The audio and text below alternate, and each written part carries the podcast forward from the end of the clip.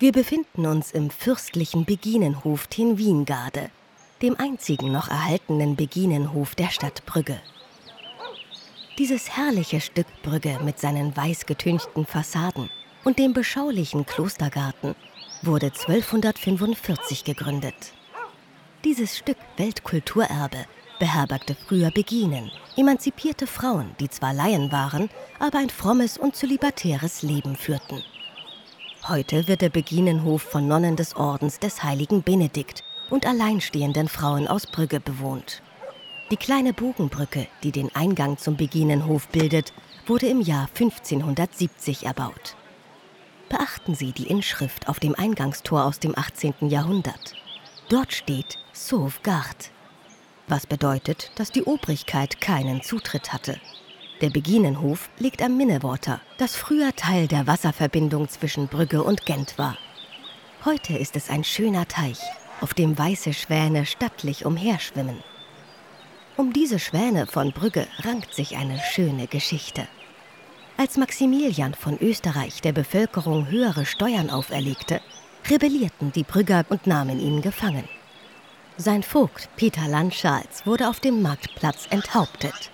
Als Maximilian wieder an die Macht kam, ordnete er an, dass die Brügger bis in alle Ewigkeit Langhalsen, also Langhälse oder Schwäne auf den Grachten halten sollten. Und wissen Sie, woran man einen weiblichen Schwan von einem männlichen unterscheiden kann? Am nummerierten Ring. Die Männchen haben ihn am rechten, die Weibchen am linken Bein. An dieser Stelle beschäftigen sich Joanna Malinowska und ihr Partner Siti Jasper näher mit dem Konzept des kollektiven Bewusstseins und widmen einem vergessenen Denkmal besondere Aufmerksamkeit. Natascha ist der Spitzname einer Skulptur, die jahrelang auf einem Platz in Gdynia, einer Stadt in Polen, stand. Nach dem Ende der kommunistisch-sowjetischen Ära wurde die Statue an einen weniger sichtbaren Ort in der Stadt versetzt. Schließlich war das Denkmal als Personifizierung eines Regimes errichtet worden, das Unterdrückung symbolisiert eine schöne Frau auf dem Lande, die triumphierend präsent ist. Vielen Einwohnern von Gdynia war die Statue ein Dorn im Auge, sodass man sie entfernte, sobald die russische Besatzung vorüber war. Für Joanna Malinowska ist Natascha jedoch ein Bild aus ihrer Kindheit. Ein Überbleibsel aus einer vergangenen Zeit, das Erinnerungen weckt.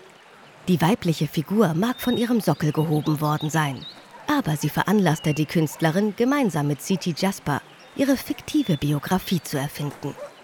Beide stammen aus Gdynia und arbeiteten bereits bei ihrer Filminstallation im polnischen Pavillon auf der Biennale in Venedig 2015 eng zusammen. Gemeinsam schreiben sie für die Triennale Brügge eine visuelle Geschichte über diese anonyme Frau und verhelfen ihr zu einem neuen Leben. Die künstlerische Praxis von Joanna Malinowska und Siti Jasper entspringt einem besonderen Interesse an Anthropologie.